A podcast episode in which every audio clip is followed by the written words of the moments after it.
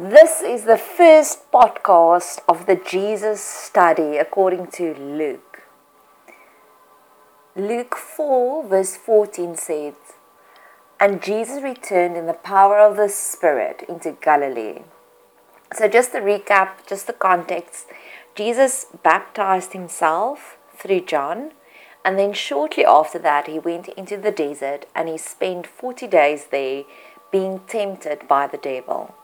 And directly after he was released out of this temptation from the devil, we find this very powerful little sentence. And Jesus returned in the power of the Spirit into Galilee. Maybe we all need a moment where we return, where we just decide this is enough. We've had enough temptations. We've been battered. We've been bruised. And we need this moment where we return out of that temptation.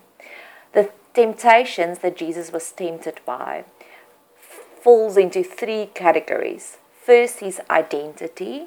So that's when people start accusing you of who you are. You are not good enough. You are not clever enough. You are not rich enough. You do not care enough. You are whatever you are not enough. The second one that the devil tempted him on was on his calling on his life. And that can also come in various reasons. That can come in ways that you just don't have the tools that you need to have to do to live out your calling. The doors are just not open up. You just don't see the next step. And the third place where he was tempted on was on God's promises to him, to his relationship with the Father.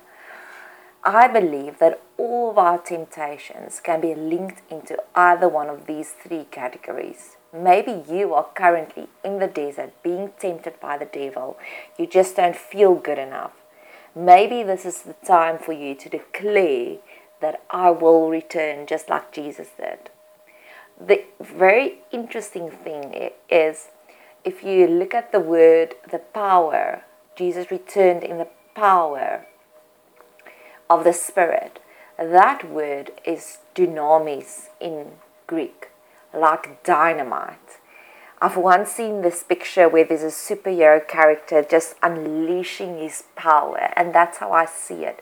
With every difficult period, with every storm that we work th- through, with every temptation that we have to work through, we are actually, when we decide that we are returning, we've said it's enough now.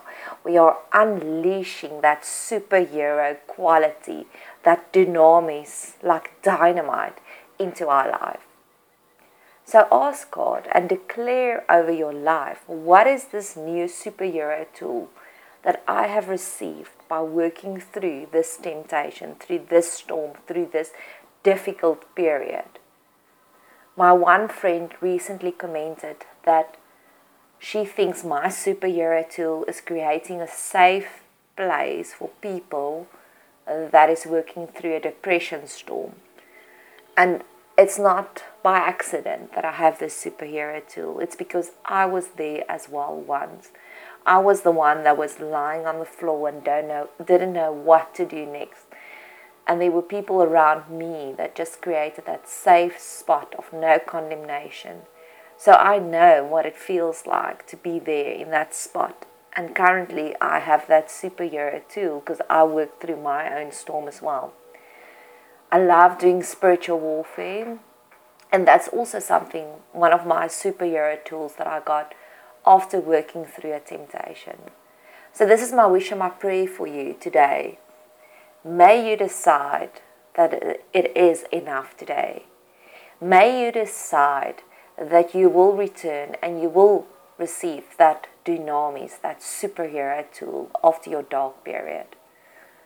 I also believe that the spiritual our spiritual life is a constant journey. Jesus made the decision to be baptized and then he was tempted and then he returned. We are either in one of those three categories currently. Either we are facing the decision, are we going to surrender our life? We've already made that decision and we are already in the process of being in the, the pressure cooker of life and being tempted and working through the storms, or we can get to the final stage where we return in the dunamis, in the dynamite superhero power, like Jesus did.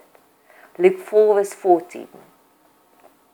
And Jesus returned in the power of the Spirit.